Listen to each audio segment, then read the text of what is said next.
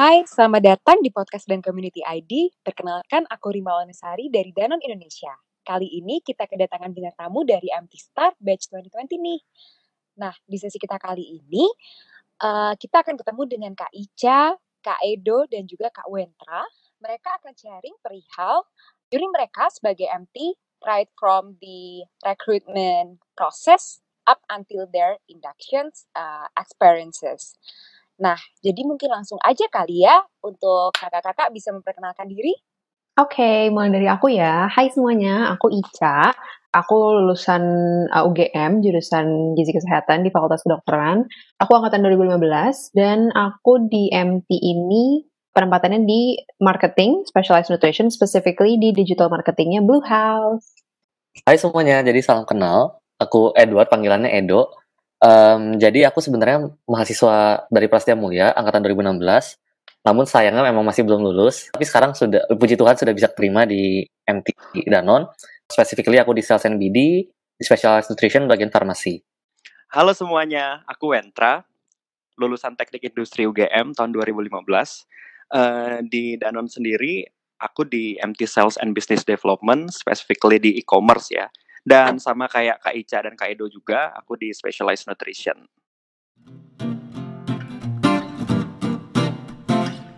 Nah, untuk di sesi pertama, aku akan mengajukan beberapa pertanyaan ya untuk teman-teman semua. Sebenarnya apa sih yang membuat teman-teman ini eager untuk join MT Star? Oke, sebenarnya kalau ditanya kenapa MT Star, kalau dengar MT itu pasti nggak jauh-jauh dari accelerate your career ya gitu. Jadi kita bisa dapat exposure dengan baik, dengan komprehensif untuk jadi future leader dari company yang kita tuju. Tapi uh, kalau menurut aku pribadi, uh, bekerja itu nggak cukup cuma itu doang sih. Kenapa spesifik MT Star dan kenapa spesifik Danon? Jadi di sini aku lebih mau meng-highlight uh, dari company value ya. Kenapa company value? Karena kalau kita kerja-kerja doang, itu kita cuma bakal capek kita dapat uang, uangnya habis lagi kita capek. Tapi kalau misalkan kita bekerja di sebuah company yang value-nya itu memang oke okay dan align banget sama kita, itu akan menjadi one thing sih. Di mana kita contribute not only to ourselves, nggak cuma learning doang, but also kita bisa contribute to company and society. Impact dari pekerjaan kita itu apa gitu. That's why uh, aku pilih MT dan alhamdulillah dapat opportunity-nya juga di Danon yang memiliki company value yang luar biasa juga gitu. Oke, okay, uh, eh, thank you banget Wentra uh, sharing sessionnya terkait dengan kenapa sih pengen join Star dan apa yang kalian expect dari program ini. Nah, mungkin langsung aja ya. Seperti yang kita tahu bahwa Star ini kan memang program yang cukup hype, di mana teman-teman fresh graduate banyak banget nih uh, yang pengen untuk join program ini gitu kan ya mungkin hal yang teman-teman pengen tahu adalah lebih ke uh, rekrutmen prosesnya gitu, experience-nya seperti apa. Ada nggak sih kak tips and trick untuk kita bisa stand out di uh, rekrutmen prosesnya? Aku mulai dari ini dulu ya kali apa flow-nya dulu aja. Jadi di tahun aku tahun ini itu proses rekrutmennya ada awalnya itu kita akan ada video interview. Jadi akan kita akan uh, ngeklik link uh, registrationnya terus kita akan di uh, apa arahkan untuk follow this this apa series of questions yang akan kita jawab melalui video yang kita rekam sendiri. Jadi mereka di layar akan ada pertanyaan terus kita rekam diri kita sendiri menjawab pertanyaannya. Terus habis itu nanti hmm, akan ada tes, tes psikotes gitulah intinya. Setiap pertanyaan itu ada waktunya. Jadi uh, emang harus efficiency of thinking dan kecepatan kalian menangkap jawaban dari pertanyaan itu tuh juga diuji di situ. Terus setelah lolos video interview dan uh, online assessment itu, kita akan diajak untuk FGD. Nah di FGD ini intinya adalah kita kan dikasih contoh kasus dan kita akan diberikan waktu untuk diskusi sama teman-teman satu apa session Terus nanti kita akan diminta untuk present our ideas sendiri-sendiri, kemudian sebagai kelompok. Setelah proses ini, di fase aku, langsung dikasih tahu yang lolos FGD siapa, yang gak lolos siapa. Nanti yang gak lolos akan leave the meeting room, leave the apa, online meeting room, terus akan yang lanjut akan langsung proceed ke panel interview, yaitu interview dengan uh, teman-teman dari Danon yang udah ada di departemennya masing-masing. Terus setelah itu, kalau lolos akan lanjut ke final interview. Waktu itu aku karena penempatan itu aku wawancara sama VP marketing untuk specialized nutrition. Jadi uh, she asked me about a lot of things. She asked me about um, kayak what I understood about uh, marketing as a function, what I understood, what my perspectives were about some things, dan kayak uh, she did ask me a lot about myself too, dan kayak obstacles yang pernah aku lewati seperti apa, how I overcame it, dan lain sebagainya. Setelah itu barulah uh, menunggu email lanjutan. Kalau lanjut akan diminta untuk medical check up. Setelah medical check up, terus nanti hasilnya keluar, dikirim ke Danon dan keterima deh kayak gitu flownya. Terus what to pay attention mungkin uh, yang di awal ini kan video interview be, the video interview kayak needs to show you as you are gitu loh kayak kalian harus tahu diri kalian tuh kemampuannya seperti apa gitu kayak pertanyaan-pertanyaan ini commonly wants to see how you're capable of overcoming obstacles, how you're eager to learn, how you have room to develop, how you know kekurangan kamu apa dan kamu mau work on it gitu-gitu. Jadi kayak uh, always have always have the mindset of wanting to learn and wanting to develop dan being open to inputs dari mana pun dari siapa pun gitu. Jadi Psikotes sih ya bismillah. Kalau bisa latihan latihan monggo cuman uh, psikotes sih lebih ke ini ya kognitif gitu. Terus kalau yang selanjutnya apa? FGD? FGD ini semakin trending ya sebagai selection process untuk masuk ke dalam sebuah company. Dan I do think that be, untuk uh, stand out di dalam FGD you don't necessarily have to stand out. You just have to be capable of balancing between voicing out your opinions and at the same time being able to moderate your friends. Kayak gak dominating, gak jadi orang satu-satunya orang yang ngomong ngambil kesempatan orang lain, tapi mampu menyampaikan pendapat kamu dan perspektif kamu secara efisien gitu. Jadi uh, waktu itu ketika aku FGD, aku selalu memberikan ruang untuk orang lain mengekspresikan diri mereka, selalu memberikan ruang untuk orang lain berpendapat tanpa mengecilkan kesempatan aku untuk berpendapat gitu. Jadi apakah kamu berpendapat duluan atau kayak e, silakan teman-teman ada yang punya pendapat. Kalau menurut aku gini, tapi kalau menurut teman-teman gimana gitu-gitu. Jadi uh, being able to balance antara waktu kamu dengan waktu teman-teman, about it's about efficiency sih sebenarnya dan gak mencoba untuk menjatuhkan satu sama lain. Terus kalau di panel interview ya panel interview sih panel interview aja. Intinya mm, be smart aja, be clever in your answers, be efficient, uh, focus on the question, jangan ke mana-mana kalau cerita, dan selalu pahami bahwa mm, kalau ditanya sesuatu, jawab, deskripsikan situasinya, deskripsikan kamu di saat menghadapi situasi itu seperti apa, kemudian kekurangannya apa di saat kamu menghadapinya dan kamu bisa mengembangkan apa, kamu bisa lebih baiknya gimana gitu. Jadi selalu gunakan format itu gitu karena format itu menunjukkan bahwa kamu tuh bisa berkembang, kamu tuh siap untuk berkembang, kamu siap untuk belajar. Terakhir uh, eh, VP interview uh, basically the same sih, kayak maksudnya format jawaban itu selalu harus uh, kamu kedepankan dan ya yeah, all in all it's just be the best version of yourself that you can be dan uh, apa always be open minded be open to inputs know that you still have room to develop know still want to learn about a lot of things. Karena kembali lagi di MT ini eh, nggak uh, usah takut kayak aduh nanti aku pasti nggak kehitung atau aku aku tuh apa sih nggak punya achievement apa apa aku tuh butiran debu yang tidak ada maknanya di dunia ini gitu. Jangan mikir kayak gitu gitu. Karena kembali lagi Danon itu they believe that everyone has their own unique points everyone has their own characters semua orang punya kontribusi apa pun. Jadi they are eager to kayak take in new people, new minds, fresh minds yang kayak siap banget nih berkontribusi gitu. Jadi don't worry about kalah sama orang lain. Itu nanti aja dulu masalah kalah mah rezeki nggak ke mana gitu. Jadi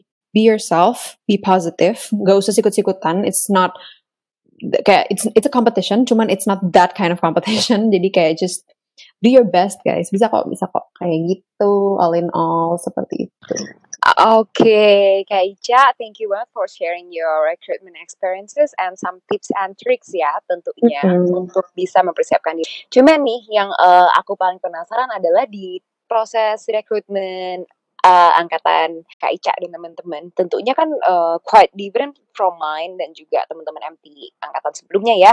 Karena ini dilakukan pada saat pandemic situation. Pastinya segala prosesnya uh, cukup berbeda dan tentunya it's like a new normal in terms of mencari kerja gitu kan ya. Nah yang aku pengen tahu uh, sih Kak Ica, experience-nya yang paling uh, paling beda tuh apa gitu? Apakah dengan segalanya virtual itu semuanya jadi mudah atau justru malah menjadi semakin challenging untuk kakak bisa engage with di um, mungkin recruiter. Nah, kalaupun ternyata uh, cukup challenging, kira-kira dari Kak sendiri ada tips tersendiri nggak sih untuk apa sih yang harus disiapin untuk kita bisa uh, tetap show up professionally dan juga uh, bisa punya sesi interview yang uh, yang clear, meaningful dan juga seamless ya tentunya dengan HR atau recruiter terkait. Kalau dari aku pribadi sih bedanya dari recruitment online dan offline. Kalau lebih, lebih kalau plus pointsnya, um, maybe for people yang have trouble with kayak uh, face to face interaction atau yang pema atau yang maksudnya notabene lebih uh, withdrawn gitu maksudnya kurang pede atau gimana this helps a lot gitu karena kalian dibatasi screen kan gitu dan maksudnya you have a lot of time kan dan kalian juga punya kesempatan untuk kayak make little notes dan gak terlalu obvious kalau kalian ngelihat notes kalian gitu gitu. Ini virtual this whole virtual process really helps you uh, apa uh, it really helps shy people a lot sih sebenarnya. Uh, cuman menurut aku minusnya mungkin kayak jadi kita nggak bisa lihat. Kadang karena nggak semua proses online recruitment itu kayak kita buka kita sih nyalain kamera ya gitu. Tapi belum tentu party yang kita ajak ngobrol atau interviewernya juga nyalain kamera gitu.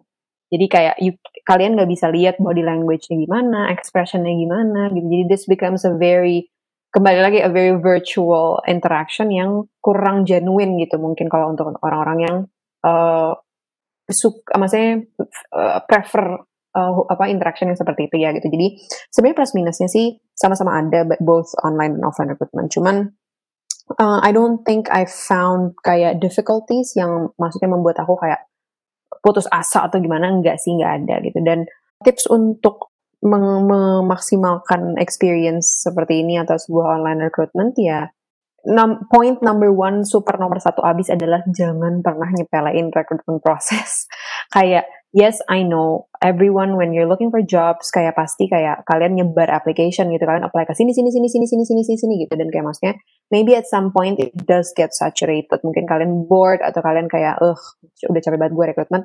Jadi gue sekarang bodo amat aja gitu ya. Udah kalau keterima keterima kalau enggak enggak. Yes gue ngerti kalau seandainya we're all desperate for a job gitu ketika kita nyari kerjaan. Dan uh, tapi I don't think it's a reason for you to menyepelekan uh, job application process lo gitu. Dan kayak bukan masalah respect if you want to be respected treat people the way you want to be treated gitu. Bukan masalah itu gitu. Just like nggak ada salahnya kok kalian do your best gitu. Nggak ada salahnya kalian selalu memaksimalkan setiap recruitment proses karena toh at the end of the day you always have something to learn gitu loh. Jadi kayak dengan mindset bahwa kayak ah ya udahlah ya udahlah gitu. Kalau seandainya kayak gitu kan kalian merasa bahwa ya udah ini yang gue pengen banget aja yang gue semangatin tapi kalau yang biasa aja gue kayak ya udah apply apply aja gitu. Dan kayak kalau kalian mikir bahwa udahlah hadapin dulu aja. Bismillah dulu aja. Uh, yang terbaik dulu aja.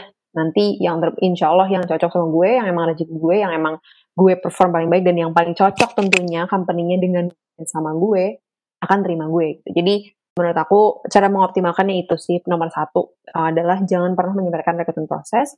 Dan number two know yourself. Itu kayak udah basically that those two points. Jangan menyebarkan dan know yourself. Ketika you know kayak don't be afraid to accept the fact that you have lost gitu don't be afraid to accept the fact that you're not capable of one thing or you're not capable of two things. You're not capable of kayak the things that people are capable of doing gitu. Nggak apa-apa gitu. Kayak semua orang pasti punya hal-hal yang mereka belum bisa atau belum jago gitu. Dan uh, every experience is a learning experience gitu. Setiap experience pasti ada yang bisa kamu pelajari ada yang bisa kamu ambil ada yang bisa kamu improve gitu. Jadi jadikan itu drive kamu motivation kamu untuk selalu develop gitu. Untuk selalu jadi lebih baik lagi jadi lebih baik lagi jadi lebih baik lagi gitu. Dan kayak dengan keinginan untuk terus develop itu you'll never stop developing trust me. Itu sih Karima Nah, itu mungkin dari Kak Ica adalah tips untuk kita untuk bisa tetap pede, even though uh, the current condition is quite hard, especially during this uh, pandemic situations, di mana job seeker-nya semakin membludak. Nah, yang penting uh, saran dari Kak adalah untuk kita tetap bisa yakin sama diri sendiri, untuk bisa deliver um, yang terbaik gitu. And, untuk dari yang lain mungkin ada yang mau nambahin? Oke, okay.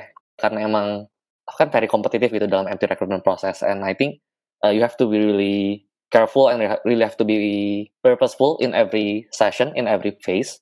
Karena in every phase you really have to able to convince yourself and to prepare for the best for each phase. Nah, kayak in this kind of online interview process or online recruitment process apa aja sih yang perlu di prepare gitu ya? Sometimes despite of all the fundamental things yang Ica sudah mention, sometimes tapi kita juga lupa nih kayak kadang-kadang untuk memprepare hal-hal yang lebih teknikal nih, hal-hal yang teknis. Contohnya apa? Misalnya paling gampang kalau kita ngomongin online interview ya, sometimes tuh kita kan ya namanya kalau kita lagi di pandemi era gini kan berarti kita emang social distancing dan kita mostly emang spend our time in our own home gitu ya. And in this case kan berarti kita bakal sering apa ada interaksi nih sama orang-orang keluarga nih, ada yang misalnya mungkin sambil masak, ada yang mungkin sambil kerja, ada juga yang mungkin yang sambil belajar kuliah juga gitu kan.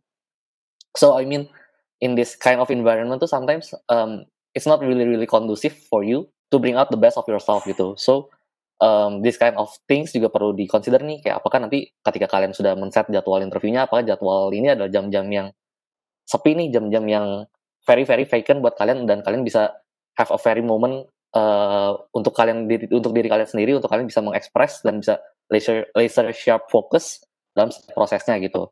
Jangan sampai tiba-tiba nanti ketika kalian udah siap sebenarnya nih secara mental nih udah siap secara fisik tapi ternyata environment kalian yang nggak mendukung nih.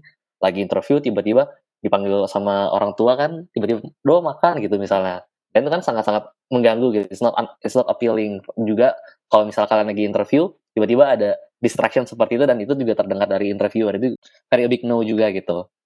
Dan misalnya ketika kalian udah melakukan online interview session atau online LGD you name it gitu. Uh, di sini kan kita juga pakai uh, webcam kita gitu ya. Kita showcase our video uh, our face our our whole self itu juga seperti apa. Sometimes jangan lupa juga nih karena emang kita ada di rumah kan terlalu nyaman terlalu santai. Eh tapi lupa jatuhnya kayak this is a very professional process. Kayak sometimes kita juga lupa dress code-nya um, jangan sampai kemis terus kayak kalau misalnya kalian juga di kamar kalian sendiri kan ya mungkin not everybody has a special room for their own workplace somehow kan kalian juga perlu prepare nih kayak oh gimana caranya kayak kamarnya kelihatan rapi atau enggak even better kalian pakai virtual background to cover up your background gitu kan supaya lebih kelihatan lebih profesional and so on. Nah, itu poin yang pertama sih tadi kayak uh, what I want to add it up gitu. Tapi yang aku mau tambahin highlight juga tadi poin kedua tentang self awareness sih kayak how you guys know yourself and how to present yourself to be the best version of yourself gitu. Karena basically dalam recruitment proses ini kan ya in a sense kalian kan kayak kurang lebih selling out yourself to the company gitu kan. Kayak how do you want to be perceived, how do you want to make yourself look? Kayak terlihat oh I'm very appealing gitu ke company. But in this case, if you don't have that kind of self awareness, I think it will be very difficult to convince the the company, gitu, especially case in this case Danone, to really know why should they hire you if you don't know why you should be working in that company as well, gitu. So it is really it is a really fundamental case tentang self awareness. Oke, okay, uh, Wentra, mungkin ada yang mau ditambahin dari Wentra? Oke, okay. uh, eh, sebenarnya pretty much the same sih sama yang disampaikan Kak Ica sama Kak Edo tadi. Cuman kalau boleh uh, nambahin sedikit terkait technical things itu mungkin lebih ke arah koneksi. Yang pertama, yang kedua headset ya. Yang pertama kenapa koneksi? Karena uh, pastikan koneksi kita itu stabil untuk mencegah apa ya semacam jangan sampai pesan yang ingin kita sampaikan itu terputus. Jangan sampai apa namanya self branding yang udah kita build sedemikian rupa selama interview itu ke distract gitu kan. Jadi sebelum interview make sure aja, oke okay, kalau wifi-nya jelek, pakai mobile data gitu kan. Atau cari tempat di mana deh, make sure uh, kalau koneksi kita itu stabil. Terus yang kedua terkait dengan audio. Uh, kalau bisa sih pakai headset uh, di zaman sekarang gitu kan ya. Zaman now udah banyak headset Bluetooth ya semacam AirPods atau apa pun itu. Tapi usahain pakai headset kabel aja. Karena kalau misalkan koneksi wireless itu kita nggak tahu tuh maybe something happen kalau misalkan uh, ada bug atau apa pun. Jadi better pakai headset kabel aja gitu, biar lebih stabil dan lebih oke okay juga suaranya. Dan apa pun hmm. yang mau kita sampaikan, uh, jawaban interview kita itu semuanya tersampaikan dengan sempurna gitu sih.